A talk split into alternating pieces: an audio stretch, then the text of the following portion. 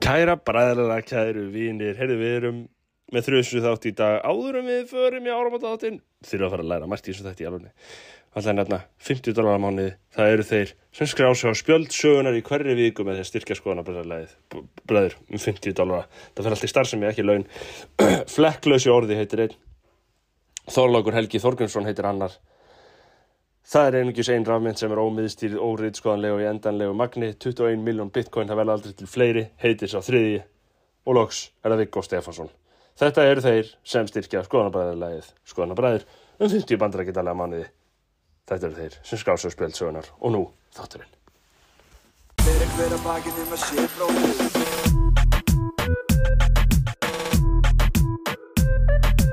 Fyrir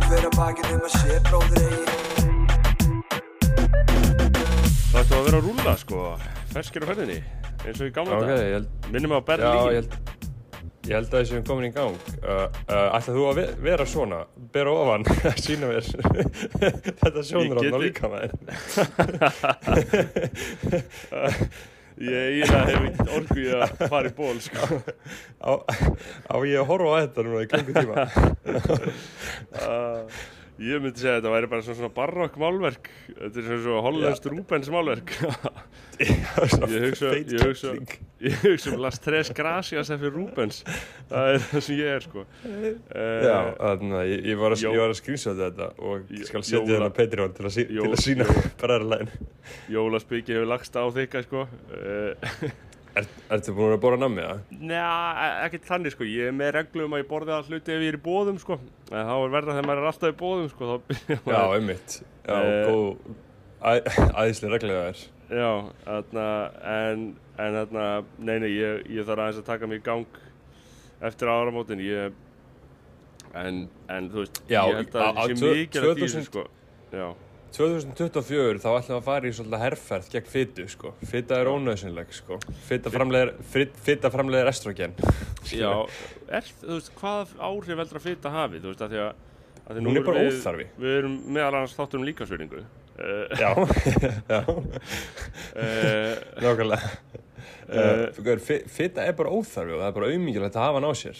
já, Af hverju, myndir þú hafa hann á þér þegar þú getur en, en síðan, tekja hann að burt? Já, já, það, það er alveg svona við, en síðan á sama tíma, skilur, þú veist, það skiptir einhver máli að hafa smá fytu, skilur, þú veist, það er veginn, Það, það er ekkert aðrið, skilur.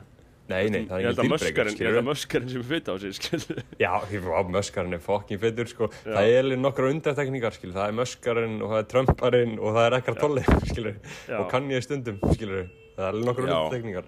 En, En, en, en ég held að, ég held að allir kallmenn eigi að stræfa því að vera fytulausir, sko. já, ég held að, veist, aðal áherslan væri náttúrulega fyrst og fremst, veist, þarna, og sérstaklega, þú veist, ef að menn eru komni djúpt í fytuna, uh, þú veist, fyrsta verkefnið þetta er ekki að losna við fytuna, fyrsta verkefnið er að byggja vöðva, þannig að vöðvarnir byrji hægt og rólega að koma í staðin fyrir fytuna. Einmitt, Af því að sko einmitt. fytu missir sem sjálfstætt markmið uh, ég allan að líti ekki á það sem mjög effektífa aðferðafræði Þú Nei, það, það er, þú veist, það, það einhvern veginn þá ertu bara ég, ég veit ekki, það er bara svo miklu einfaldara að fara bara frá- í form sta, í staðinn og þá hægt og rólega missir fytuna sko. uh, Já, og síðan er líka æfa forna erketýpan af görnum sem að var feitur í grunnskóla og síðan Já. ekki lengur feitur, skilur Já. þegar hann verður 20 og eitthvað en sem ennþá feitur í hausnum á sér, skilur já, fyta er hugafar að mörgu leiti sko. Já, fita er hugafar, sko. fyta er hugafar Það, já, þetta er bara hvað, hvað sem feitur finnst þið þú vera, skilur Þetta er í rauninni allt hugafar, sko. Þú veist, Já. eins og Jeff Bezos, skilur hann er eiginlega ennþá feitur í hausnum,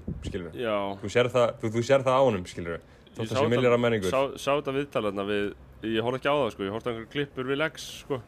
Já, einmitt, Uh, já, ég sá það líka. Og hann er alveg, þetta er fyrsta lendingin á honum í podcast viðtali sko, hann fer ekki fyrir viðtali sko. Uh, og þeir er- eru alveg þraulaðir á því saman sko. En, og já, og maður sá það er alveg for a reason, sko. Já, gaurin er ekki Já, Jeff Bezos er ekki sjarmur, sko. Nei, og hann skilur ekki podcast formið sko, eða þú veist. Nei, nei, hann, hann, ég held að hann sé svona alveg tölvört meira svona isolated uh, og einn upp í einhverju fílabínsturni heldur en hinn ykkurinir. Skilju hvað ég meina? mjög dulafull típa fyrst mér sko. hann er mjög dulafull, á á, á Washington Post skilur uh, en hljómar samt svona frekar neutral í þessum, þessum samræði við Lex sko en Einmitt. er auðvitað algjör skeppna sko þetta er auðvitað bara einhver algjör leikrit sko Já, já, hann er auðvitað killer, sko. Uh, en, En ég veist, það sem, það sem fólk fíla mest við Bezos og það sem fólk hefur mestan áhuga á og Gaurinn hafa mestan áhuga á við hann er, þú veist, að Gaurinn er alltaf að segja frá alls konar einhverjum fucking skrítnum vinnu aðferðum hjá Amazon, sko, þú veist. Já, Það, einmitt, það er svona risa hugmyndafræði bara svona í kringum vinnu taktík, skilur þú veist. akkurat. Þarna, Akkurat. uh, hvað, þú veist, uh, þú veist, eins og til dæmis að mæta á fundi, hann vil alltaf hafa þetta fundi þannig að það sé eitt gott skjal í upphæðu fundar. Þannig að þú veist, þú mætir, Ok. heyrðu mér, Já. já, Já, ég heyrir, já. þú, mæ, þú mætir uh, og þá leggur einhver mjög vandað og vel skrifað stutt skjal í upphæðu fundar sem bara allir lesa saman í smá stund Já, og svo byrja Já. að tala. Þú veist, ok. uh, Já, einmitt, þannig að allir séu á sögum blæsu. Já, bara, ein, bara bókstala einblaði sig að, einmitt, þú veist, bara það sem einhver er búin að virkilega vanda sig við að taka saman punktana sem skipta máli fyrir hennar fund, mm Mhm. Allir lesa hana saman, skilur og sá sem Já, skrifaði með hann horfir á heina lesan og Akkurat. svo byrja menn að tala. Uh, Akkurat. Sniðut. Þann, þannig að það er svolítið gott, sko.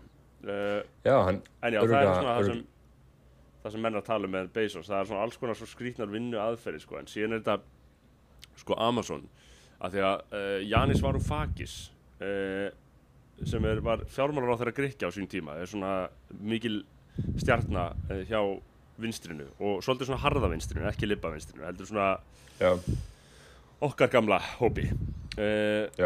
Og hann, hann þarna, hann er, hann er skilgrinning á dirtbag leftist. Uh, Mhm. Hann, hann er, var- hann, hann, er sem, hann, er massaður og nettur og sköllur. Já, nettur og harður og, og grimmur og, og dónalegur uh, og hann er sem sagt hann er að fjalla mjög mikið um það núna hann er alltaf að tala um að við séum komin inn í það sem heitir techno-feudalism uh, það er þess að tæknileg tæknilegt lénsveldi, lénskerfið feudalism uh, Mhm. fólst í þessu einmitt að það voru lénsherrar og svo varstu einhvern veginn bara uh, undir þeim þú veist, og, og þú áttir ekkert heldur varstu einhvern veginn eiliða leiguliði í léni lénsherrans.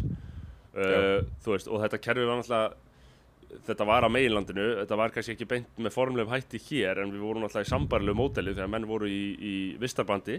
Það var ólöglegt að, að flytja.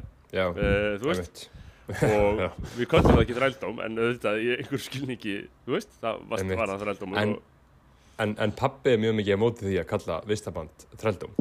já, og ég myndi ekki ég gæti ekki fært rauk gegn hans raugum, sko, af því að hann Nei, er djúpur uh, Já, einmitt, einmitt. En hann er með, ég, hann er, ég hef heyrt þetta nokkuð sinnum, sko. hann, það er kallar eftir, hann kallar eftir hann kallar eftir núans Já, um Vistarband. nú eins og um, um vistabandi, þetta var ekki Já. eins, já, Uh, en, en alveg, veist- alveg eins og ég heyrði um daginn, sko, núna eru alltaf með þrældóm allstaðar í heiminum, skilur. Fólk, þar, þarf að vera í vinnum, skilur. Þetta er, þetta er alveg svona freka brútal og hreitt þrældómur. En munurinn á þrældómi nútímans, það er að þú mátt skipta með eiganda, já, skilur. já, Og það er alveg svolítið stór plús.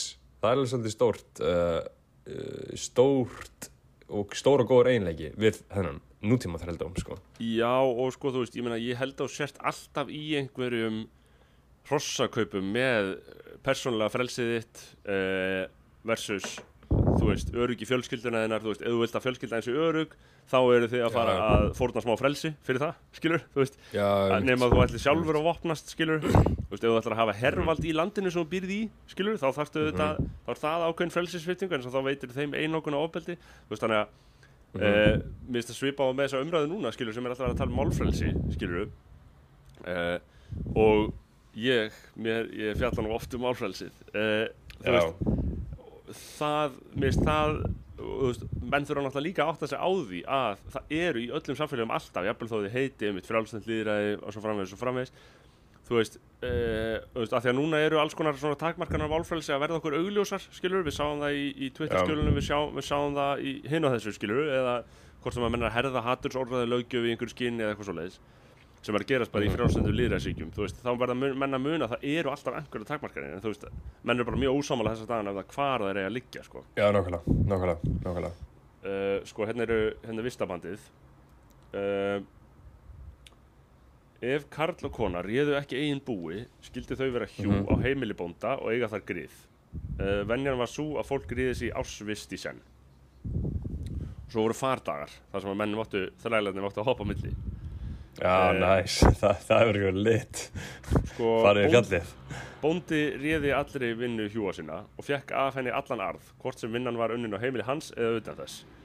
Ef Vá. vinnumæður fór til dæmis í verið, sérst á sjó, langt burt frá bæ þeim sem hann var ráðin til, fekk bóndi allan afla sem vinnumæðurinn dró úr sjó. Uh, á móti bar bóndi ábyrð á því að hjú hans fengju klæði, húsaskjól, fæði, klæði og húsaskjól á ráðningatíma þeirra. Og, Uh, og fyndi sure sko sounds að- að- bara eins og kerfisöður í núna sko.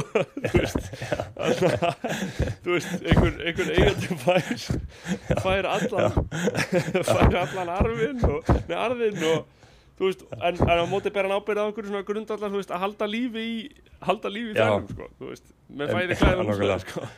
Nákvæmlega, nákvæmlega. Uh, Já, þetta er alveg þetta var alveg svol- svolítið þarna, djöl hefur verið gaman fyrir þess að kalla að búa þetta til þetta, þetta system sko. Já, en ég meina það er, það er ennþá í bóði menn geta ennþá stopnað fyrirtæki í dag og haft starfsmenn og Já. tekið arðinn og þú veist, við búum við frjálst markaðsákjöri, það er allt hægt. Ef menn ákveða að gera eitthvað, þá er bara allt hægt. Þetta er allt spurningu hvað ákveður að gera hvað þú einsetið er að gera, það er allt hægt. Þú, það, þú veist, þú getur risið upp, skilur, og það, er, það eru töfranir og sko, íslenska kerfið ég hugsa stundum um það að þú veist, eh, okkar einu svona mentastofnanir á Íslandi eru uh, mentaskólanir, framhaldsskólanir uh, háskólanir uh, finnst mér ekki gegna mikilvæg menningarlegu hlutverki uh, ekki með, á sama hátt og ekki allan að svona í, lí, á lífsferli fólks skilu, Nei, já, nákvæmlega. Mótar er miklu meira í hvað mentaskóla varst. Og, Mhm. og það að góða kerfið sem við höfum haft hér og með miklum undartekningu af því auðvitað er ekki öllum kleift að fara og sækja sér mentun í góðum mentaskóla uh, en enga síður, þú veist þótt þú sért bara einhver í einhverjum grunnskóla, einhver staðar út á landi eða einhver staðar í útkörfi Mhm. eða einhver staðar, þú veist, sem er ekki típist elítu hverfi eða elítu svæði eða ekki, þú ert ekki umkringdur elítu börnum eins og við vorum, mm. skilurum uh, þá hefur og eins og við kynntum spáður í mentaskóla þá kynnist maður fólki sem læðist, slæðir hann inn uh, Mhm. úr aðstæðum sem eru ekki dæmigerðar elítu aðstæður heldur er þeim Mhm. gefið færi á að bara hreinlega, þar erum við að tala um bara góð, gömlu góðu verðleikana. Veist, bara verðleika, mm þú sýnir verðleika m- Í- merit. Merit. Það er svona að tala um verðleika samfélagi við þurfum verðleika samfélagi Já. og Aha. þarna raunverulega, þetta hefur bara verið þannig að, að í einhverju skilningi, ef þú í grunnskóla sýnir verðleika, þetta er náttúrulega svolítið grimmilegt að krefast þess að börnum að sína verðleika, en Mhm. ég meina, hvers konar samfélagi ætla að vera, auðvitað gerum við kröfu til barna Mhm. líka, Auðvitað þurfa auðvitað þurfa að gera auðvitað þurfa þau að sína verðleika. Þannig að uh, ef þau gera það, þá raunverulega hafa þau tækifæri á að uppskera ávöxt erfið síns, sem er að fara í, í, í þá betri skóla sem mun opna aðra dyr fyrir þau, en þú veist, þau ert komin inn í þær eilitstofnanir Guð veit hvað, Mhm. þá, Guð veit hvað tekur við þá, skilur þú veist, þá, þá, þá, er þeir allir við í færi, sko. Þannig að, þú veist, við erum alveg komin uh, langa leið frá Íslandbandinu, þú veist uh, það Já. er ótrúlegur árangur sem hefur náðist á Íslandi við að byggja upp upplugt velferðarsamfélag, Mhm. skilur en svo er það Mhm. velferðarsamfélagi, sko þú veist, þetta orð, sko. Ég, það er eitthvað, þetta er eitthvað veist, eins og ég var að tala um, sko. Það er alltaf eitthvað sem gefur í staðinn, sko þú veist, ef þú færð, ef þú Mhm. færð svona almenna velferð fyrir alla, skilur, þá þú veist, þetta er eins og það sem Mílei er að segja, sko, þú veist. E, ef þú vilt jöfnuð, þá fórnar þú frelsi í staðinn, sko. Það er eitthvað, eitthvað, eitthvað þannig element í þessu, sko Eh, einmitt, já, já, Ísland er næs, sko, Eh, og þa það er líka, sko, það sem að Ísland hefur líka mikið yfir, uh, mikið yfir alls konar, annars konar þjóðir, kannski að því mann finnst þetta svona svolítið kunnulegt, sko, en mér finnst fólkið aðeins svona, eins og núna er ég hérna í Portugal og við erum búin að vera hérna í tóta, eða einn heilan dag. Og svona helsta aðtöfunin á fólkinu sem að lappar út á götu, nýri bæ, var svolítið svipað eins og uh, þegar ég var í Hamburg að þetta er svona mjög uh, það er ekki mikil uh, fegur þeir ekki höfð í fyrrúmi hérna. skilur hvað ég meina? Það er svona, uh, það er svona grámi og hérna uh, no swag. Ef maður, maður segir það beint út uh, hér Eh, og, er, og, er, þetta, er þetta íberíska nósvekkið á íberíu skaganum? Spánverður og já, já, þú veist, þetta, þetta ég, ma- ég er svona ég er alltaf ekki búin að vera hérna mjög lengi bara búin að vera í einn heilan dag sko. Nei, og auðvitað þú er- ert öruglega ekki búin að komast í, í snert við eitthvað cool hverfi eða eitthvað stað, skilur Nei, búin, búin, búin að vera svolítið að, að leita að því, sko, Já. að leita að því, sko, en spánverðar eru náttúrulega bara, þeir eru sveglausasta þjóð uh, mannkynsjör, allir séu það ennþá. Jú, er ekki allir spánverðar, allir bara með einhverja dretta og að reykja gras og lokka í andlutinu. sko, Ennþá. sko mín reynsla Spáni er náttúrulega að sko þar hafa menn alltaf skipst rosalega mikið í þarna svona bara fagurfræðilegar fylkingar. Ég Já, það eftir því þegar ég var á safni í Dresden eða, eða Leip, Leipzig nýlega, þess að ég var eh, í Þískalandi síðasta sömur 2022 held ég. Og ég fór á safna um, austu þíska alþjóðilegvildi DDR, þess að þetta frjálsa mm. alþjóðilegvildi sem var í nánum tengslu við Sovjetríkin uh, áður en þau hrundu á 1989 og austu Þískaland saminæðist vestu Þískalandi austu Þískaland uh, sem var bara kommunist lífveldi það þarna, þar voru uh, skilgreinda sérst að leynilörglan og svo safnið sem ég fór á það hafði austu þíska leynilörglan Stasi þá hafði hún skilgreint sérst svona ólíka hópa í samfélaginu, þú veist, eitt voru svona skinnhausar eitt voru pönkarar annað voru uh, gotharar þrið, fjórða var, þú veist, kanatýpur sem voru svona kana eftirlíkingar fymta var, þú veist og bara svona rosalega afmarkaðir hópar og, og þú veist, og leinlörglan var bara búin að útlista alla hugmyndafræði ólíku hópana, bara hver, hver er hættan hér, þú veist, er einhver öfga hugmyndafræði hjá þessum hópi, þú veist, ógeðslega áhugavert að sjá hvernig leinlörglan vann, sko, bara við að pinpointa Já. Og safna gögnum um persón, þetta voru bara persónuleikandi, þá var bara þessi, bara veit. K fór í kirkjugarðin þetta kvöld og talaði í 50 mínútur við vinkonu sína uh, Vá. um, um, þarna, um pólitík, skilur hann er grunaður um að vera ránköksandi, skilur þú veist, Einmitt.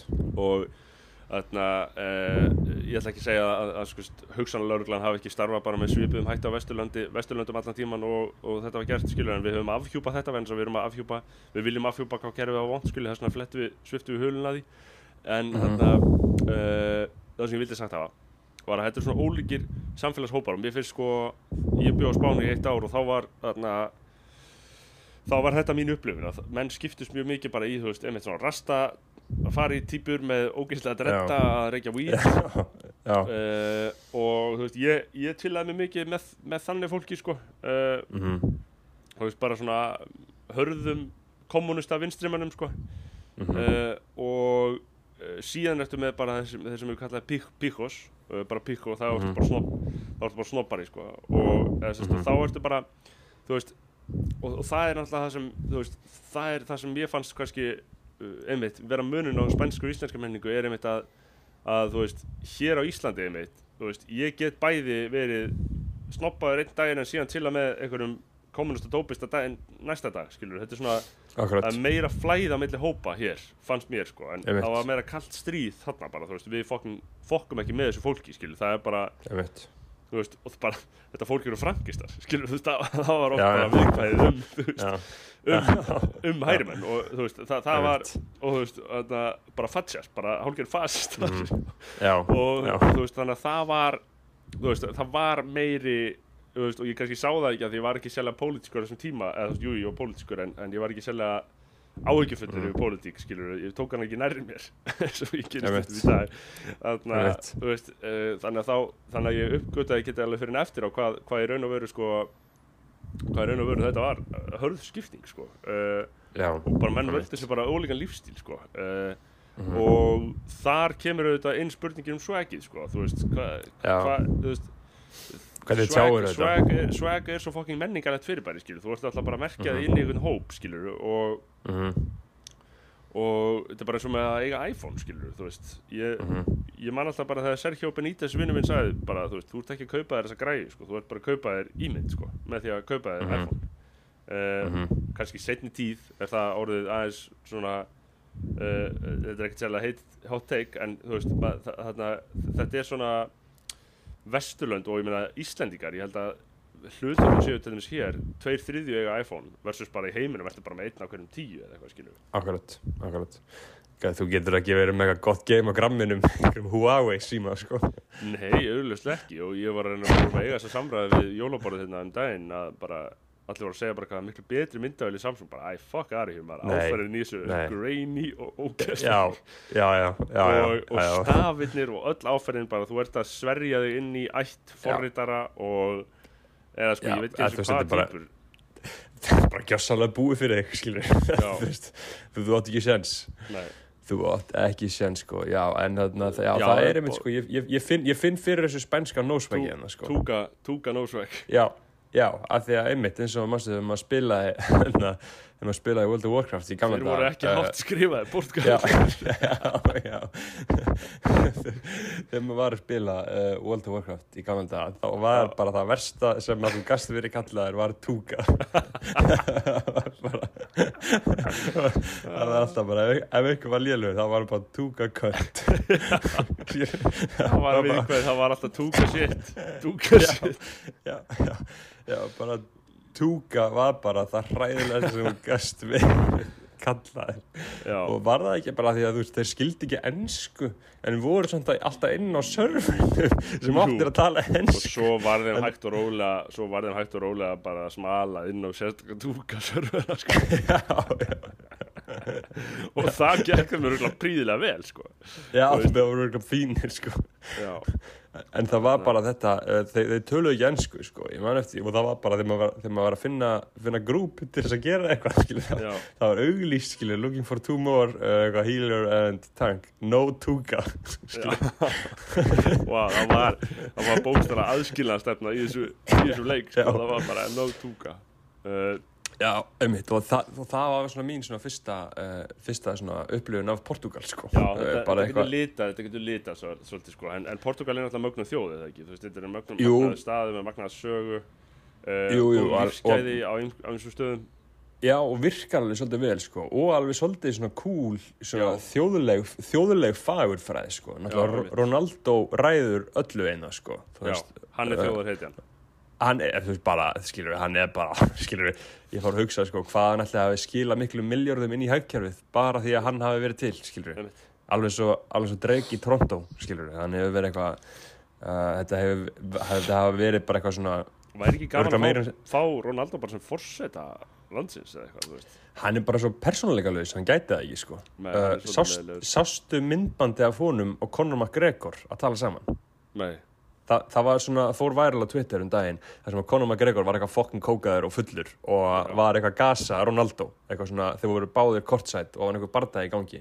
Já. og Conor McGregor sem er snillingur, fokkin skemmtilegu karakter hann verður fórseti á, á Írlandi skilur hann er, komin er í megapólitík aðna, sko Já, af því að hann er fokking skemmtilegur og fyndinn og ástriðumæður uh, og ég var að horfa á þetta og ég sá bara vá, Ronaldo er mesti fótboltamæður sem ég sé á skilur hann hafði ekkert að segja, skilur hann fannst þetta ekkert áhugavert, skilur hann er bara dauf vél, Já, þú veist, hann er svona brosir og hlær, þetta er, svona þetta er svona þú veist, þú ert með þú veist, í svona grófum dráttum ertu með tvær típur af fótboltamannum auðvitað, það er annars vegar þessi típa sem er bara bara- 95% eða Já, 99% algjörlega. Ég, ég er ekki að segja að þessir hópar séu jafnt dreifðir uh, hlutastlega Mhm. uh, en, en þú ert með tvær típur, það er einmitt þetta sem er bara svona að maður finnur tómleikan til augnana Já, skilandi tómleik. já, já, já, já, ég finn bara eitthvað svona gerist ekkert, þú kom ekki viðbröð þegar maður segir eitthvað svona, þetta er svona já, tala um ég, maður sér alveg svona, þetta er svona Instagram model painið, skilja sem fótballtamenn eru með líka, sko. og síðan er það, er, er það þeir sem einhvern veginn hafa náð að, að, að, að einhvern veginn opnast fyrir einhverju öðru í lífinu en bara að horfa á boltan sko, og það er bara einmitt. og það er bara ólíkt sko, hvað gerist sko Já, og ég þú með hlutföllinu, við erum örgulega að tala um 95 á móti 5% Va- va- Valla, skilja, mér þetta Já. er bara Maradona, í hug, skilja. Já. Uh, hann var svona skemmtilegur, Rúrik, skilja. Já, nei, nei, hann- og það er fullt sko við náttúrulega höfum ekki, við höfum náttúrulega ekki bara, þú veist, ég hef bara ekki yfirsýnina til þess að nefna dæmi sko en Nei, einmitt, En einmitt. þarna- En, en- en, en, við, en þótt við erum samt orðnir pró-fótbolti. algjörlega, Uh, við- algjörlega Við bara 100% alltaf í gegn, sko. Og ég svona fótbolt að vera alveg frábært þarna, hópefli og frábæra tækni og frábæra veislu til þess að einmitt, Já. bara halda er svona okkur lím í samfélaginu sko. þetta er bara frábært lím og, Einmitt, þarna, einmitt. uh, og ég vona að einn daginn mun ég, ég ég, ég elska að horfa ég segi ekki elska, ég get hort á land, landsleiki þú veist, Já, ég get haldið með vefni þar uh, Já, já. En maður er samt bara eitthvað að býða okkur til búið sko. að einhverju leiti, en samt svona komu Já. moment þarna þegar við vorum virkilega þarna on it á sín tíma, þá var maður alveg þarna með Mhm. Á nótunum en, það sem ég, var að segja við erum konur, við erum 100% konur að þessu leiti, við bræðir Já, já, já, ég horfi frekar á málningu þarna, sko. Ég bara, ég gerir margt annað frekar en að horfa á 90 mínútur þessu, sko. Uh, en þarna, það sem ég var að segja með Ronaldo, að, já, hann svífur í öllu hérna.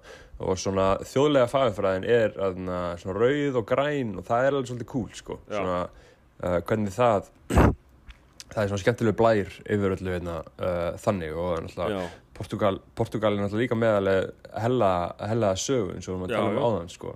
Þú veist, það hefur allt gerst hérna sko. Rómverðinni voru hérna sko, og ég held segja sko, að Hannibal hafi verið hérna uh, á, á tímabíl og keltarnir og múslimar skilur. Já, og, og- það var bara, það var bara hef- hefur einhvern veginn allt verið hérna, bara flakkað svo- endalaust á og svo er sko. bara, og svo er, svo er einhverjum ástæðum einhvern veginn ekki gert mikið úr því að uh, þetta hafi verið einræðisríki uh, í, þú veist, fram til 1900 ég veit ekki hvenær Salazar uh, hættir, sko Já, uh, Já, Salazar var eiginlega bara all, á sama tíma á Franco sko. Og svona mjög hvort hann hafi byrjað Já. þessu fyrr ég held að hann hafi byrjað Já. strax 1916 eða eitthvað svoleið, Einmitt, fljótlega eftir einmitt. 1920 eða eitthvað, hann var heil lengi og var auðvitað með svona svolítið sérstaka típu af einræðisríki, ég veit ekki alveg nákvæmlega Já. mikið um það, sko uh, Novo Estado sko- eða eitthvað á, ástæðan af hverju það hafði eiginlega svona, einhver svona stór menningarleg áhrif uh, út, fyrir, uh, út fyrir Portugal var að því að þeir voru bara búin að taka svo mikið að ellum sko. það sem að gerðist var að á svona 15. og 16. öld þeir það bókstara var fundu niðurlegginga upp á tímabil hvað sem er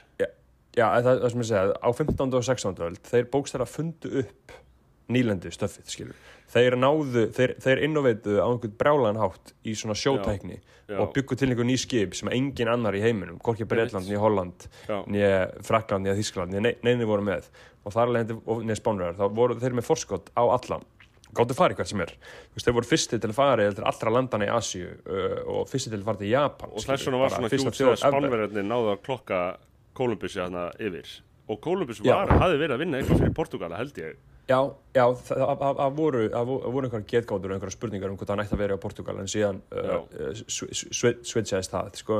Uh, en Portugal voru um allan heim skilur, byggur til Brasilíu og, þarna, og voru bara einhvern veginn algjörlega að dominera heiminn alveg í 200 ár sko.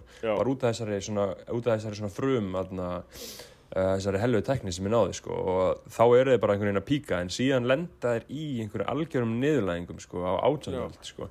Og þarna, það er fyrsta lagi þessi svona hellaði jarðskjálti sem verði í Lissabon 1755 sem Voltaire Já. skrifa um í byrtingi sem var bara eitthvað bara svona bara allir dói skilur bara ekki líka all borgin Jú, jú, þetta var bara eitthvað svona- borgin hefur brunnið þetta var bara eitthvað runa af einhverju fucking helskeipi sko. Já. og síðan eru þeir litlir eftir það og síðan kemur Napoleon sko. og þannig að gjössanlega bara tekur þau með litla putta sko. og Já. bara tekur, tekur gjössanlega yfir og þá eru enn meira niðurlegað og, og kongafólki flýr til Brasilíu og er bara þar og fólk, þjóðin eitthvað splittast upp í Brasilíu og Portugal eitthvað uh, ég er að tala af mikilli vandekkingu um nákvæm, ná, nákvæmlega staðrendir uh, en þetta var einhvern veginn svona og eftir þetta náðu þau bara aldrei að byggja sig upp á, í stórveldið sem þau voru sko. og, og síðan Og- erum við með Salazar já, síðan kemur Salazar sko, og Antonio, ég veit ekki Antonio, Antonio de Oliveira Salazar árið 1928 Mm. var hagfræðiprofessor við háskólinni í Coimbra að nafni uh, Antonio Salazar uh, Mhm. gerður að fjármálar á þeirra landsins og var hans helsta verkefni að koma skikki á mjög svo báan efnahægin sem lamaði líf flestra landsmanna Eftir að hafa tekist það með miklum ágætum var Salazar gerður að fórsættis á þeirra 1932 og ári Mhm. síðar stigu stjórnvöld nokkur skref sem gerði landið að hreinu innræðisíki. Þetta var náttúrulega bara okay. nákvæmlega sama tíma og Hitler og félagar voru að gera þetta Já. í Þýskalandi. Einræði var einmitt þekkt sem þarna, nýja ríkið, Estado Novo.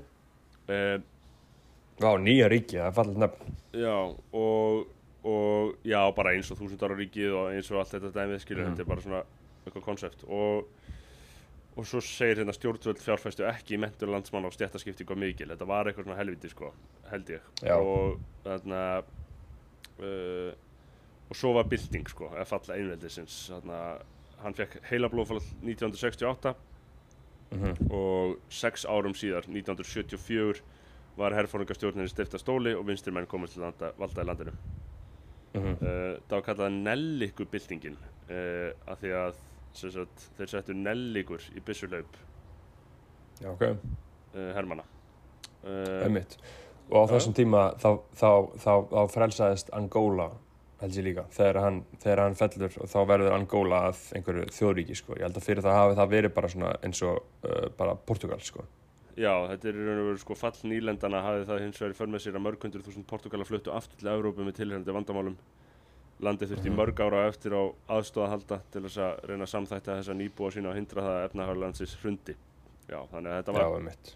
þetta var bara gerist á mjög vesen, sko. tíma og veist, í álfunni þetta er náttúrulega áhugavert hvernig álfan er samtengt sko, hvernig þetta voru bara þró, sama þróun allstaðar og, og svo Mhm. endar þetta á svipun tíma hérna á áttunda áratögnum sko og Já, þú veist, og ein, í einhver lei, að einhver leiti er þetta líka bara svona, þú veist, 18. áratugurinn, þú veist, 70 uh, uh, þarna, þú veist Portugal og þú veist, Franco deyr 75 ári eftir að mhm, þetta hættir skilu og þá fer það skilu þannig að þetta er í raun og veru líka bara hægt og rólega bara harð, harðstjórn eða þess að einræði að rinja áfram í Evrópu sko og svo, svo rinja mm. -hmm. Sovjetríkin 15 ára síðar þótt að þau hafa verið alltaf öðru vísi sko uh, mhm.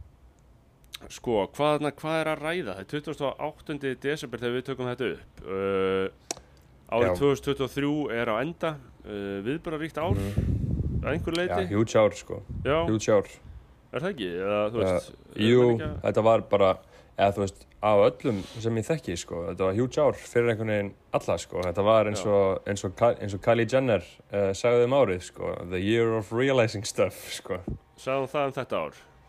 Nei, hún sagði það eitthvað árið 2017 eða eitthvað. Já, þetta er, Það var svona, elska, það var svona elska svona hluti, elska svona hluti sem þetta er svo sniðugt orðalaga, því að þetta geta allir tengt, sko, þú veist. já, Það geta allir hugsað, já, já. uh, uh, það er sannlega málið hjá mér. Já. Eh, já, the, the year of realizing stuff. Já, hvað, hvað áttaði þú þig á árunni? Hverju áttaði þú þig á árunni? alls konar uh, stöfið sko, maður alltaf fattar svona betur og betur hvernig þessi heimur uh, virkar sko og hvernig maður fær sínu framgengt sko, uh, hvernig maður getur látið setja sitt virka og látið setja sitt ræta sko og maður getur droppað allskins hugmyndum sem maður festist í sko uh, alveg eins og núna bara í eitt og hálft ár þá síð, síðastliðið svona eitt og hálft ár eða svona síðastliðið eitt ár er ekki búin að gera neitt nema að lesa og skrifa. Ekki neitt nema það uh, og podcasta skilur við uh, en, og það sem að það hefur kent mér og það sem að það hefur sínt mér er að ég vil ekki gera það skilur við ég, ég held ég vildi það, ég vil alveg ennþá gera það við uh, en ég vil business og ég vil hreyfingu skilur við og athafnir, ég vil athafna- Þú er tillaður aðtafnamaður í heimildinni. Já, ég vil hreyfingu á hlutina, skilur og ég vil vera milljaramæningur, skilur Já, já, Það hefur líka svolítið breyst, sko. Það er alveg svolítið vibe shift, það vilja allir vera milljaramæningar núna. Hefðu við, sko, hort í kringum Já. okkur fyrir tve, þremur árum þá myndi enginn vera að tala um það, sko. Þá vildu menn bara vera ofnbæri starfsmenn, sko. Uh, yeah, þarna- Basically, sko, eða Helst. þá vildi allir bara eitthvað fylgja ástriðinu sinni eða eða whatever, Sko, sko, við þurfum að átta okkur sko á því að þetta er mjög, þetta er mjög þetta mikilvæg það er mjög mikilvæg mæleining á kultúr, hvað, eftir hverju menn leitast. Það er að segja hvort að Já. menn sé að leitast eftir því að, að, að virkilega græða peninga. Mm og auðvitað það grunn kvöti öllum að vilja það en hitt er Mhm. sko hvort að, hvort að lífsmarkmið er að séu að miða að því eða hvort að þau byggist á okkur allt öðru. Uh, ég held að þetta sé allt spurningu sko í hvaða farveg þú setur þá orku sem er í samfélaginu skilur þú veist að því að ef þú setur, þann, ef þú setur orkuna í þann farveg að menn stopna enga fyrirtæki sem eiga að stækka og gera á ríka þá eru þeir þá Mhm. alltaf um leið að leysa einhver verkefni fyrir samfélagi með þessum enga fyrirtækjum þannig virkar kapitalismi kapitalismi og frjálsmarkaður er í raun og veru bara kerfi eða tækni til þess að uh, mæla mjög hratt og mjög vel eins og hann gerir uh, hvar resursar, hva, hva, hvar þeir eru mest virði, þetta er bara til að færa hluta milli, þú veist, hva, þú veist, ef þú ert með, ef þú ert með versmiðu þá myndast þar þörf á einhverjum málmi, skilur og hún Já. verður mjög bráð og þú þarft hennar málm mjög mikið og þá hækkar verðið á honum sem mun hvetja aðra til þess að fara að sækja hann, skilur þetta er í raun og veru bara, bara kerfi vél til þess að smyrja samfélagið, skilur Mhm. og aftur á móti ertu með sósélistana sem vilja þarna hafa einhvern svampara á skrifstofu að skipulegja allt hagkerfið, að segja heyrðu, þetta árið þurfum við svona marga mörg kíló af, af kopar en Mhm. málið ástæðan fyrir að það klúrast er að allt í einu gerist eitthvað, allt í einu verður einhvers staðar eitthvað stórslið sem kallar á mjög mikinn kopar en þá er bara búið að ákveða hversu mikið verður framleitt. Þannig að þú veist, Mhm. það er þess vegna hrýnur alltaf allt í því, því kerfi skilu, þetta er bara svo léleg leið. Já, já, um mitt að að hafa hafa fokking slímu fokking svampputtan þú getur ekki skipula takkerfi þú veist, það- skip, þú veist, þarna áætlun og búskapur, hann bara virkar svo illa, ég hugsaði þann dag mitt mun gerfigreindin kannski gera okkur klift að vera með mjög, mjög effektífan áhættunarbúskap ég held samt ekki. Mm. uh, af því að inn í, inn í kapitalisman eru byggðar það sem er ófyrirsjánlegt á öllu sem eru þrár, skilur inn í Mhm. þetta er byggt þrár, þú veist, við erum að reikna með Einmitt. þrá inn í þessu öllu, Já. Skilur Mhm. sósjálismin, hann getur ekki reikna með þráni skilur, þú getur ekki mælt hana Nei. með einu öðru tæki, en hann, hann er svo guðlaus sko. já, hann Hann er svo guðlaus og, og hann er bara tölur á blaði, sko. Uh, já, en, en þess vegna er, einmitt, já árið sem menn vilja vera milljarðingar kannski Já, bara einmitt hann- árið þar sem að menn átt að sjá því að það er ástæðis að vera bjart sýtni framtíðina og við verðum bara að móta hana sjálfur ef það er einhver sem Og- á að gera það skilur og, og maður skinja líka sko að allt þetta svona, allur lippaskapurinn og feminismi og alls konar svona, svona datt gjörsamlega á tísku sko Já, já. Veist, bara svona gjörsamlega það er, þú veist, það er engin að tala á þessum nótum lengur já, allan, sko- allan, ekki, all, allan ekki svona uh, í kringum mig og heldur ekki Nei. þig. Nei, og leiði mér aðalega, álíta aðalega þarna og svona grunn, grunn atbráðsinn í sem liggur sem er, sem er, í þeirri þróun ef þú segir að, að þetta sé dottið út allt saman ég held að það sé einmitt líka bara hluta þessu sama við erum að segja veist, við erum þarna, okkar eigin gæfi smiðir við verðum að stýra Já. örlum okkar sjálf uh, Mhm. það er ekki sérlega áhrifarík leið að sitja heima og tala um hvað maður er mikið fórnalamb uh, Nei. einhverja samfélagsgerðar ef þú ætlar að gera Mhm. það, skilur betri Mhm. leið er bara að segja, heyrðu, ég vil hafa lífið mitt svona ég vil gera þetta svona ég ætla að gera þetta svona, Mhm. ég ætla ekki að þú veist, hitt er bara svo ótrúlega niðurdrefandi sko. alveg Mhm. óendanlega niðurdrefandi hins vegar erum við ennþá með elitu stjórnmála elitu sem hugsa svona og byggir alla sína Mhm. hugmyndafræði á, á fórnalamps hugsun Mhm. uh, þannig að það, er, það þurfa að vera stjórnarskipti þarna Já. uh, en það gerist hægt og rólega býst ég við og held að, ég held að skilur raunverulega áhrifin á samfélagið verði uh, gerðið eftir nýjum leiðum uh, verði höfðið eftir nýjum leiðum verði, þú veist, það er með því að vera með einmitt okkar eigin fjölmila skiluru uh, og þarna bara okkar eigin tónlistamenn og listamenn og þú veist, það er þannig sem þú Mhm. held ég það er þannig sem að er effektífast að ráðast á kultúrin frekar en Mhm. frekar en einmitt, þú- þú, þú- veist þú, þú, þú, þú, getur komist inn í heilina fólki á svo ótrúlega uh, ótrúlega fjölbreytan og mismunandi hátt sko. Og ég held og ég held að þurfi einmitt bara að herja á öllum vikstöðum sko. Ég held að þurfi, veist, við þurfum að vera í fötum við þurfum að vera í bíómyndum, við þurfum að vera í sjómanstáttum við þurfum að vera í podcastum við þurfum, við, við þurfum að vera í tónlist, já, barnaefni, byrja snemma skilur, Barna, nei, Byrja bara, snemma. það er, það er líkilætrið ég meina að þú ert með Disney Já. að gera barnaefni hvað, hvað heldur að verða fólkið skilur þarna emitt, uh, emitt og hvað er að sína þessum Disney myndum í dag, veist það, hefur eitthvað verið að horfa á þetta? ég, þetta er bara held ég takt við humdafræði demok demokrataflokksins þetta er bara pólitísk list Já. og gerð af ógeðslega færu fólki þannig að hún er ógeðslega uh, áhrifarík og, sniðug skilur og hendar einhvern veginn öllum en undirleikjandi takturinn er þú veist bara uh, bara áróður og einhver, Já. einhver humdafræðilegur áróður Einmitt. í einhver skilningi held ég sko. uh, og þarna já þannig að við þurfum að vera í barnaefni uh, stoppa þetta.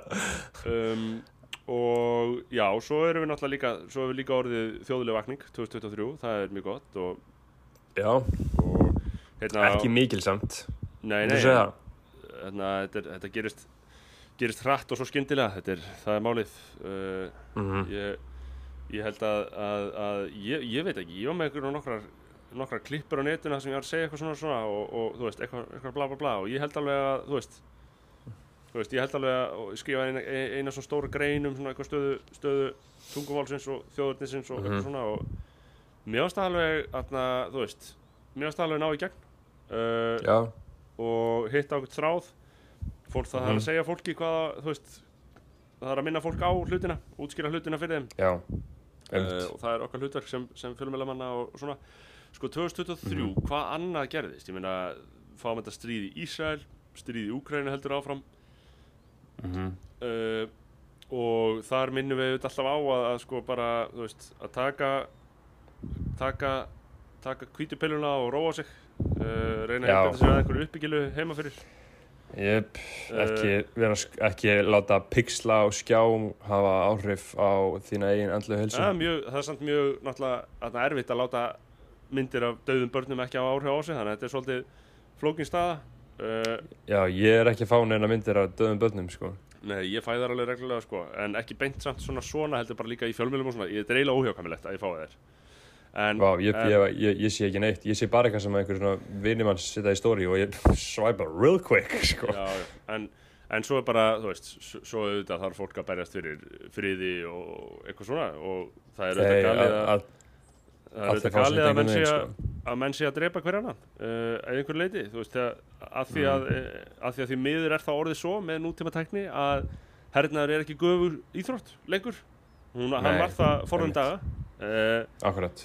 en með fyrri og setni heimturöld, fyrri og síðan engum auðvitað setni, en líka fyrri Mm þá bara varð mönnum það ljóst að þetta er ekki göfutt sport, þetta er ógæðislegur Nei. auðmingjaslagur af fólki í Já, fjárstýrum já. sprengibúnaði Já, einhver fokking gaur, gaur með gleru í Patagonia vesti sem að ítir á takkan á drónunum, sko. Já, það er engar stríðishetjur, það er engar, þarna, Nei. það er engir herfóringjar sem þarna, vekja upp aðdáun fólks, heldur er þetta, Nei. þetta er eins og segi, þú veist, og það er stóra málið, þú veist, og mm Mhm. Júnabomberinn hefði örgulega verið sammálað í því að, að hérna Já. hafa, hérna hafa, þess að Ted Kaczynski, hérna hafa tækni breytingar gert að verkum að þetta er bara ekki, þetta er ekki fær leið í samskiptum manna lengur, vegna þess að þetta er það viðbjörnslegt og, og, og það voru þau skilabóð sem kjarnorkur sprengjan átt að senda á sín tíma að, heyrðu, hérna, við verðum bara að hætta stríði, skilur, þú veist, að, þú veist, Mhm. þarna en, en á sama tíma er það líka bara djúblega djúblega uh,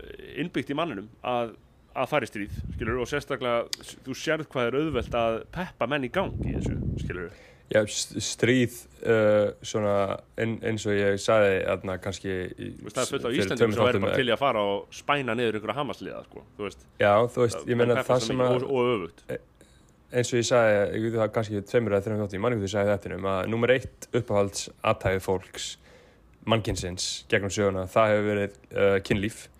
Uh, en nummer tvö aðtæði fólks uppáhalds, það er að gang up on your enemies. Saminast saminast og peppast og ráðast á ofunin Já, og við finnum Eh, fara og- við í íþróttunum.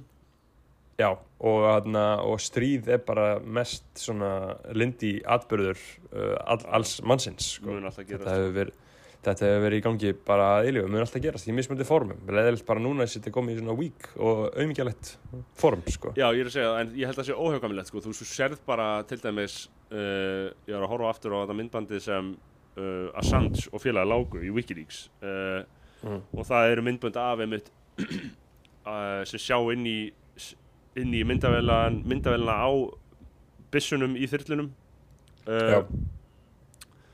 hjá þarna hjá þarna, þú veist, þetta er eins og í Call of Duty þegar maður var með Airstrike skilur, þá sá maður gauðra og valdi target og bombaði þangað skilur Ömmut, ömmut uh, og þetta eru þannig myndbönd frá Írak til dæmis og Mhm. þar sem að bandaríski herrmenn eru bara að djóka eitthvað, heyrðu, tata hann, já, já, náðanum, ég náðanum, já, náðanum ok, bom, bom, bom, Mhm. bara drepa drepa drepa fullt af fólki, bara ógæslega Já. mikið af fólki, úr öryggur fjarlæð Já. í ykkur þyllu, skilur Já, og þetta, var, þetta er það sem bandarísk yfirvöld eru náttúrulega að reyna að fangelsa Assange fyrir að drepa, fyrir að byrta Mhm. þetta aðtæfi en þarna uh, það er einmitt málið, þú veist hvað þú veist, hvað er, það er ekkert er ekkert áhugavert við þetta. Þetta er bara fucking sturla blóðbað með einhverju tækni, skilur, og drónum. Og Mhm. drónar eru þeir, þeir hafa náttúrulega eðilegt stríðin. Og, og að því að sömur haldaði fram að og, og skilur, fyrir okkur, þá væri þetta miklu skiljanlegra og eðlilegra fyrirbæri ef að menn væri bara það með sverð, skilur Mhm. þú veist, að þú getur sjálfur tekið upp sverð og verið næstu af góður en næsti maður.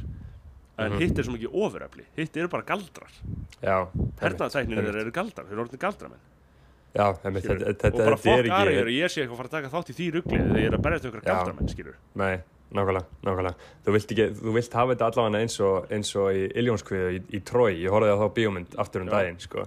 Og þar er Brad Pitt uh, leikur Achilles og þú veist, og hann er bara svona lang bestur Já, aðskilmast hann er bara, já, askilmast skilur, Já, að drepa, hann er bara Já. svona hann er bara lang bestur skilur, Menn hafa bent á að lang bestur menn hafa bent á að það gæti verið jákvæmt fyrir menninguna að vera með þarna, þú veist, UFC nema bara skilmingar til döða já, og já, þarna, skil, þú veist, ímyndaður ímyndaður sjónvarpið með full HD þarna 4K myndavælum og mixi, skilur Mhm. og menn væri að skilmast til döða uh, og ímyndaður ef að allir væri að horfa þetta, skilur uh, Já. að því að fólk myndi 100% horfa ef þetta væri leift veit alveg þetta er svona pínu barbarist skilur, Þetta er auðvitað púra. Nei, þetta er, þetta, það voru ekki beint barbara sem voru að gera þetta en þetta er, þetta er grimmilegt veist, þetta er grimmilegt, þetta er ekki villimannslegt en þetta er grimmilegt og þetta er Þetta er, þetta, er, þetta er svona, þetta, þetta tíðkast í, tíðkaðist í svona hernaðarlegri kultúrum, skilur bara kólósiðum og svo framvegis. Það sem að hernaður ríkti ofar öllu. En bara, Einmitt. eins og ég segi, við lifum tíma þar sem tæknin hefur skemmta uh, já, en, en það, það er alveg fyndið hvernig svona stöf hefur áhrif alveg eins og í Rúslandi uh, á 19. öld. Tveir helstu svona rittöfundar þjóð, þjóðskaldið Pushkin sem er basically svona Jónas, Hall, Jónas Hallgrímsson uh, rússa sko. Hann, uh, það, það er eiginlega ekkert að lesa hann eða- því hann, bara, hann skrifaði bara ljóð á íslensku alveg eins og ég veit ekki þýtt Jónas yfir á ennsku þannig að, þannig að hann er ekkert eitthvað svona uh, það frægur fyrir utan Rússland en hann er bara svona rússneska þjóðskaldi Mhm. hann dó í einví og, uh, og y, y, var endalust að yrkja um það skilur. og Já. var annar gauður sem heitir Lermontov sem er líka bara svona uh, eitt stærsti höfundurinn, hann skrifaði Hetja voru tíma og hann Já. skrifaði bókstala hann skrifaði bókstala bók sem heitir Hetja voru tíma um ungan mann sem að lifir sínu rithöfunda uh, svona stríðsmanna lífi og endar á því að deyja, deyja í einven, einví og Já. síðan kemur bara eitthvað gauður og skora á hann í einví skilur, og hann deyr í einví rithöfundurinn sjálfur skilur Já, ég meina Þannig að ég, Ég ég veit ekki sko, hva, hvað það þýðir að hafa svona uh, löglegt uh, envi eða hólmgöngur. Já, veist. Og ég meina þetta er náttúrulega það sem byrtist okkur í okkar ístæðlingarsögum þá gekk allt út á þetta að þú, þetta var alltaf leiðin sem að fær þú bara gast alltaf Já. skóra menn á hólm Þú og, veist, einmitt, we can take it there, skilur, þú veist, að, að, að, sé, það sé mögulegi á því. Uh, það geta alveg verið gaman að prófa það, sko. ekki séns að maður myndi þóra neinu einhver myndi koma, koma nálega manni með svo beitt sverð þá varum maður bara taktu alla íbúðina mín og allt já, já, já, já, hvað og sem er. Þannig að, með mig, en já, 2024 það verður ár, það verður stórt ár sigra uh, Já, það verður fucking huge ár, segir það. Verður stort ár fyrir skoðanabræður. Við ætlum að fucking bossa þetta shit, bossa þetta almennilega upp, sko, taka þetta upp á... og uh, færa út kvíðarnar uh, taka, taka þetta upp á svolítið næsta level uh, fréttastofa aðlagast, skólabræðra að, að, aðlagast, aðlagast nútímanum uh, og bara svona spila hennar leik. og já, það er, það er margt framöndan þar uh, já, ég veit ekki hvort að þú veist, það sé ykkur veit að bæta. Ég er að fara á land, hvað er þið að fara að gera á gamlás? Uh, á gamlás, við erum að fara okkar reif hérna í Lissabon sko. Já. og við, við verðum hérna í Lissabon til fyrsta í janúar og eigum eftir að svolítið svona skoða skoða borgina eða svona, ég myndi skoða fyrir utan miðbæinn sko uh, og eigum eftir að gera það, ætlum að gera það í dag og fara í gymmið, þá erum við geggju hóteli hérna, gym og sána uh, og það er bara svolítið góð stemming sko, þú veist, maður verður reglulega að fara til útlanda til þess að til þess að reynsa, reynsa á sér hausinn sko, til þess að aðeins kveikja á nýjum hugsunum og svona losa mann út úr uh, lúpunni sem er alltaf fastur í hérna á Íslandi sko. já, heimþráin getur líka vakið göfuðar hugsanir Já, hún gerir það sko. Allt sem Jónas og Hún þeir gerir- skrifuðu var í bullandi heimþrá Konráð skrifaði, Já, þetta var allt í bullandi heimþrá nákvæmlega, nákvæmlega. Nákvæmlega og eins og, eins og Tark, Tarkovski sagði uh, um rússana sko þú finnur aldrei Já. rússa í útlandi, útlandum án sem sé með heimþrá. Með mitt þannig að þeir sakna alltaf móðurlandsins sko. Og ég var búin að er lesa ég er búin að blaða eins í Konráði Gíslasinni mínum uppáhaldsmanni. Já, uh, að því við erum að tala um heimþrá og Konráð mm uh, og þeir voru að skrifa ótrúlega innblási stöf sko. hann segir sko þjóðu vor hefur leið svo lengi í þungu og mæðilegu dái að ekki er auðvelt að skinja hvort ás hefur heldur þókað áfram eða aftur á bak allan þann tíma. Uh, og svo segir hann sko þjóðerni vort sem enganlega fólki í málunni hefur verið tróðið undir fótum og hörmulega sörgað og svífirt margar aldir í sífellu hversu Mhm. lengi á slíku fram að fara hversu lengi eigum við að nýðast á sjálfum oss og öllu því sem oss ætti að vera dýrmætast hér í heimi Vá. hvort, og hvort er falleira, indælla, karlmannleira og betra til afspurnar að láta alla hluti liggja í þessari deyfð og þessum andlega svefni og geta aldrei verið ánæður við sjálfan sig ellegar að rýsa upp hver með öðrum og leggja á það allan hug og allan mátt að bæta sífællega þjóðarhag og vita svo Mhm. hvað við komumst þetta er, þetta er frekar innblásið sitt sko Ég meina, hann er basically bara að segja ving, vingandi vakna, sko. hann er að segja nákvæmlega sama við sko þess vegna er þetta áhugavert sko að þetta er bara, þetta gengur í ringi sko Þetta er ákall, sko. Hann er bara að segja nákvæmlega sama, sko. Nei, og, og, og Sem- í því efni þá þurfum við að muna að sko þessi gaurar eru að operata þetta í upphafi 19. aldar svona, þeir byrja að hugsa svona af einhverju alvöru mál svona 1800, svona upp á 1833-4 þegar þeir að klára bestastaskóla og fara svo út til þarna kaupmannarnar Jónas og Konráð og fjölnöknan og aðrir eh, og sko þú veist ástandið þá þá voru menn bara, það, það, það var mikil deyfð, það var bara algjör deyfð Já. og það var engin Akkurat. stemning og það var engin áhuga á neinun Já, já, skilur pældi í því hvað hefur verið lítið stemming. Það var, voru ekki eins og eitthvað fyrirtæki. Það var ekki, það, það, voru ekki, það var ekki neitt. það var engin störf, það var engin þjóðarandi fólk voru bara þrælar og bara töluðu sífælt meiri dönsku og svo fara með þess og Shit, hvað hefur verið þunglind, maður. já, þannig að, ok, auðvitað var von lítið að um að lítast að þessum tíma, skilur, auðvitað litu hlutin ekki vel út og þú veist, og ef að menn ætluðu að vera með einhverja vakningu og einhverja veislu þá var það, þá voru menn líka mörguleit að tala fyrir döfum meirum, skilur þannig að þú veist.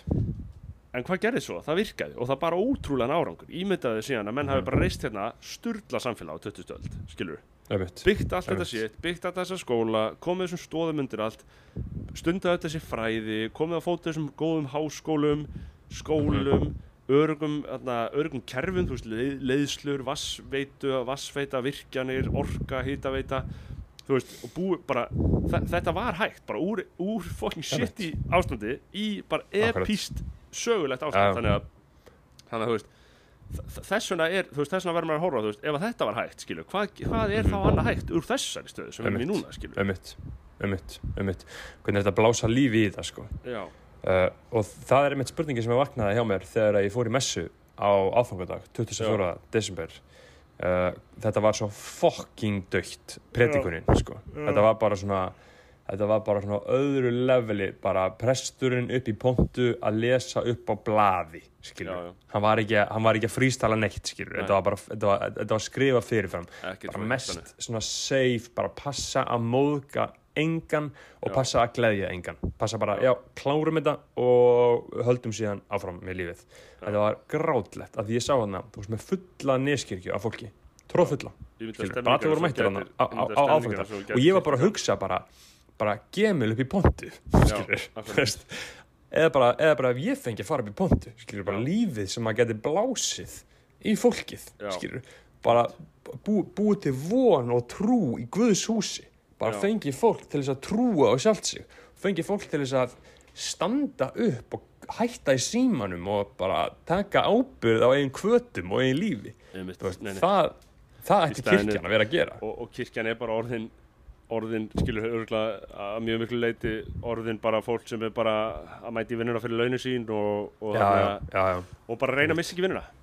Það er bara að hugsa um, þú veist, það er hvatin þú ert bara að reyna að, að, að halda vinni og vera örugur Einmitt. þetta er allt einhverju loftslagsprestar sko.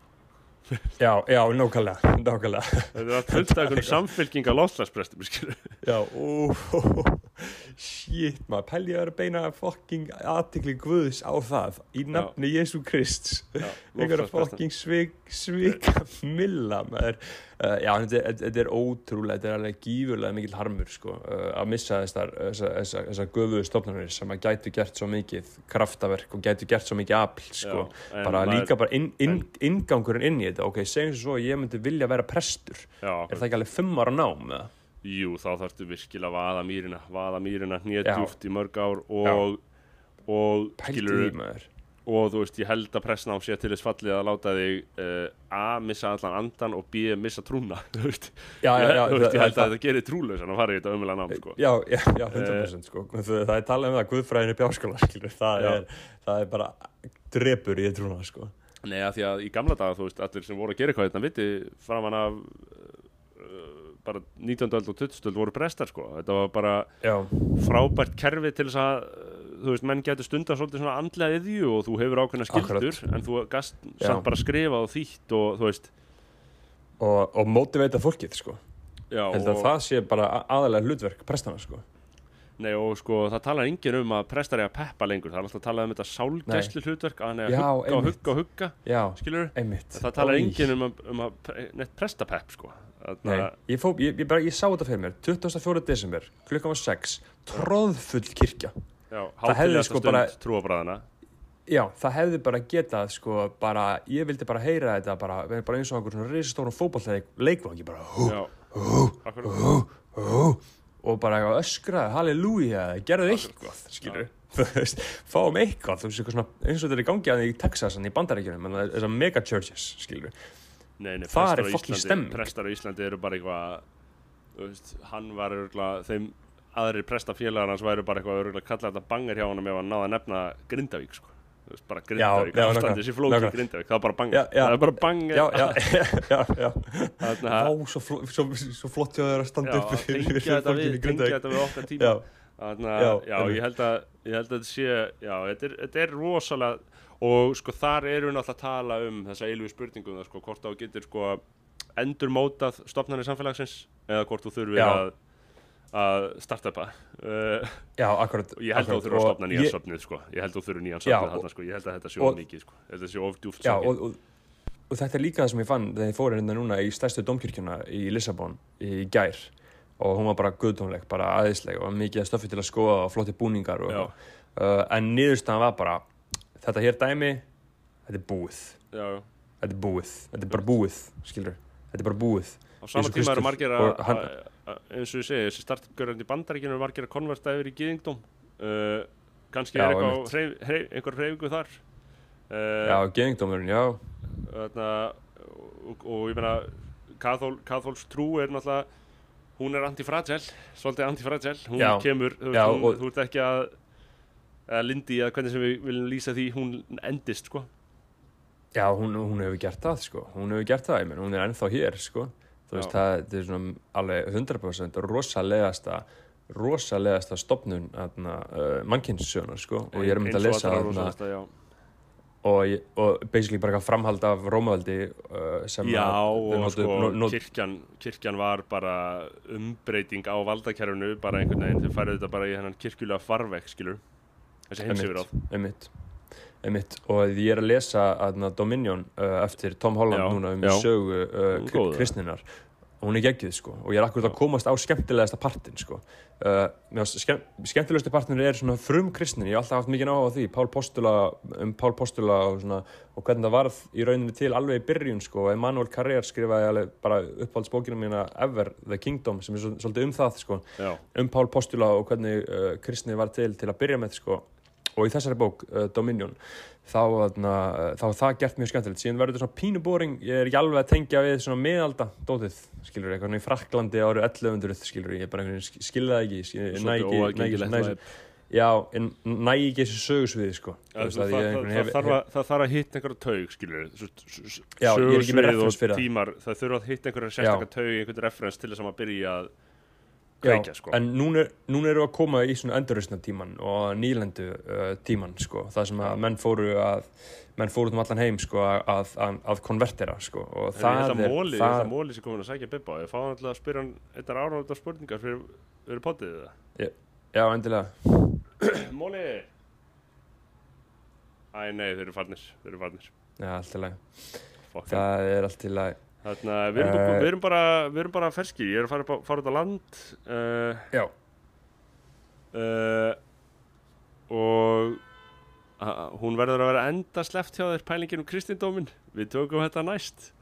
Já, já, ég held að sé fínt að hafa- þetta, hafa þetta opið ekki, ekki uppljóstra niðurstöðunni í þessu í þessu uh, Ég held að fjölmiðlarnir muni vera svolítið að grafast fyrir um það á nýju ári. Hver, begg- Hvert beggi var að fara nákvæmlega? Uh, já, þarna, uh, við skulum bara ég Algjör bara cliffhanger Já, en að við skiljum bræðarlega eftir með þetta, bara taka þetta inn í nýja ári Nei, samt í alveg, að- það þarf eitthvað söfnuð sko. Það, það þarf eitthvað það þarf eitthvað og þú veist, og mjög gemil gera þetta vel sko með sína andlu yðju og, og sína trú af því að hann er trúað maður. Uh, Já, og, Það- og trúir á Guð Jésu Krist og, og sko líka að við, að við séum minnu þess að sko okkar samfélag hafa verið byggð upp á kristinni trú. Þetta er, við erum kristið samfélag skilur, það er konseptið mm skilur Mhm. Og bara ég veit ekki hvert ég á að fara með alltaf þessa trúlausu pírata sko. ég bara veit ekki hvað ég á að gera við þetta fólk sko. Já, ég veit það, ég veit það, og það. andkirkjus Ég veit að, að því að þú veist eins og ég segi eins og ég verð sjálfur fyrir vombrið með þjóðkirkjuna þá er það að því mér finnst hún ekki nógu góð það er ekki að því ég vil að, að hún uh, sé ekki til Nei, nákvæmlega, nákvæmlega, Eh, nákvæmlega. Nákvæmlega, Eh, hérna, já, það sem við viljum, uh, Já, það nei, það er, ekki, mikið- það er ekki mikið meira í þessu maður ársins, ég er ekki alveg með það uh, hver það Nei. ætti að vera, því að það, það eina sem að skipta bara máli, hver, er uh, ekki bara hver og einn maður ásins er, er ekki allir menn Jú. ásins bara? Þú, öll- kæri listandi, öll, öll eru menn ásins, öll eru Já, manneskir ég ásins segi, ég segi, ég segi maður ársins, það er stelpan sem er að hlusta á þetta. It's you, babe. já, uh, öll eru manneskir ásins uh, Uh, öll eru manneskir ársins þannig að jú, það er þannig. En manneskja ársins hjá mér á næsta ári verður svo manneskja sem að blæs lífi í fólkið uh, sem að veitir fólki trú á það að eina sem að skipti máli er að þú takir ábyrða sjálfur uh, og takist á við djöfluna eina takist á við sársökaðin og býrð til þitt eigi líf uh, reyði ekki á annað fólk til þess reyði ekki á ríkið til þess að gera nákvæmlega. byrðu til þitt eigi lí, líf með stöðugri vinnru og hugrekki til þess að takast á við ógeð sem hann býr Já, já. alla drekana, ógeðslegu og drekana út í heimi sko. þú veist, bara líka bara andstæðingana sem þú mætir og fólk sem reynir að taka þið niður af því að þau Já. munu, ef að þú fer að stað þá munu þau, já, þau Já. munu sannlega vera á fleti fyrir og bregða fyrir Einmitt. fæti en til þess að takast á við þau þarf að takast á við sjálfaði fyrst annars, Já, já. ertu, annars getur það ekki uh, annars getur það ekki eins, eins og við vorum að tala um að vera feitir í haustum á sér í Já. byrjunum þáttar sko. að vera andlega feitur já, að vera spiritually obese eins og, eins og trúleysu píratarnir eru skilurðu. einmitt. Uh, já, þannig að kæra bræðlag, gleðilegt nýtt ár ég meina þú tókst á er- við þú tókst á við andlega feitur skilur þú og ég, Já, og, og já, ég þekki já. alveg smá að vera svolítið andlega feitur og líkamlega feitur á tíumbyrjum Já, uh, já, þú veist, ég, ég var bara, það er bara að breyta því mindseti Það tekur bara langan tíma, sko já. Það tekur Heyrðu. mjög langan tíma, sko. Ég bara sendi kveður út. Ég skal hérna bara uh, hérna, já, uh, allana í byli Ég vít, Kæ- já, kæru, hlustundur skítið ykkur. Já, takk fyrir að hlusta.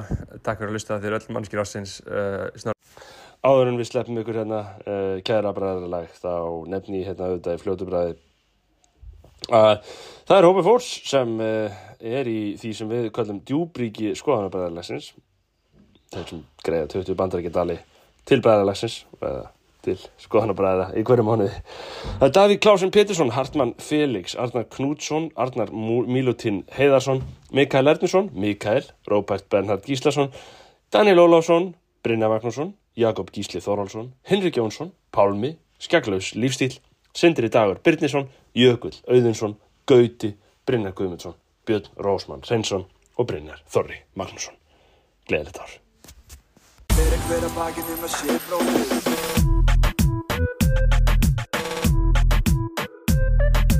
Fyrir hver að bakið um að sé bróðir eigi